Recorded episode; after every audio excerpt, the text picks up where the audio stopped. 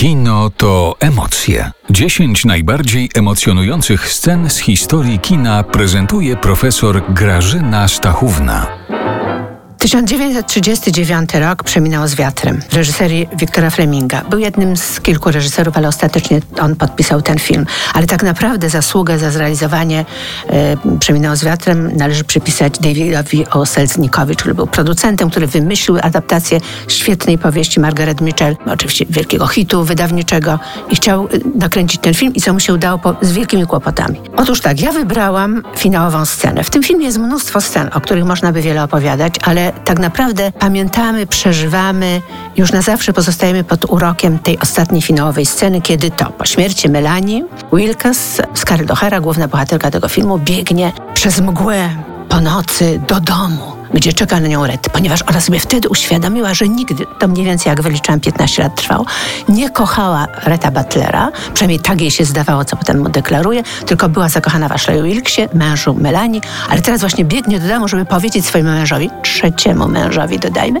wyznać mu, że oto tak naprawdę kochała przez te 15 lat tylko jego. On przyjmuje ją bardzo chłodno, kiedy ona płacząc wyznaje mu, ja cię kocham, on mówi, i to będzie twoje przekleństwo, po czym pakuje małą walizeczkę i opuszcza dom. Zostawia ją.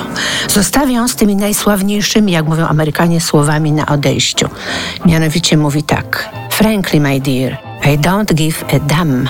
Wszyscy to bardzo elegancko tłumaczyli na, szczerze mówiąc, to było dodane przez producenta, tego nie ma w oryginale literackim. Szczerze mówiąc, moja droga, nic mnie to nie obchodzi. Ale myślę, że można by to przetłumaczyć, ja się oczywiście nie ośmielę, przetłumaczyć o wiele ostrzej.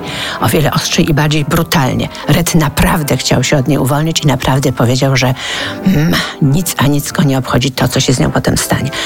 Scarlett rozpacza, ponieważ on odchodzi, tak cudownie jego kroki pobrzmiewają jeszcze na żwirze podjazdu. Scarlett rozpłacza, strasznie płacze, ale wtedy w jej głowie rozlegają się głosy, które mówią, że najważniejsza w jej życiu była Tara, czyli ziemia, jej plantacja na południu. Co prawda pozbawiona już niewolników, ale jednak wielka posiadłość, hodująca bawełnę. I Scarlett mówi, wrócę do Tary, do domu i wymyślę, jak go odzyskać, bo przecież jutro też jest dzień. Drodzy Państwo, ja myślę, no to jeszcze tu opowiem o jednym bardzo optymistycznym finale, ale tak optymistycznego finału to szukać ze świetą Fitoli kina.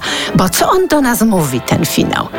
Nie płaczcie, nie załamujcie się. Jutro też jest dzień. Pomyślcie o tym, o wszystkich kłopotach, które macie jutro, a teraz spróbujcie się zebrać do kupy i podnieść z kolan, żeby się zmierzyć z kolejnym dniem, bo warto.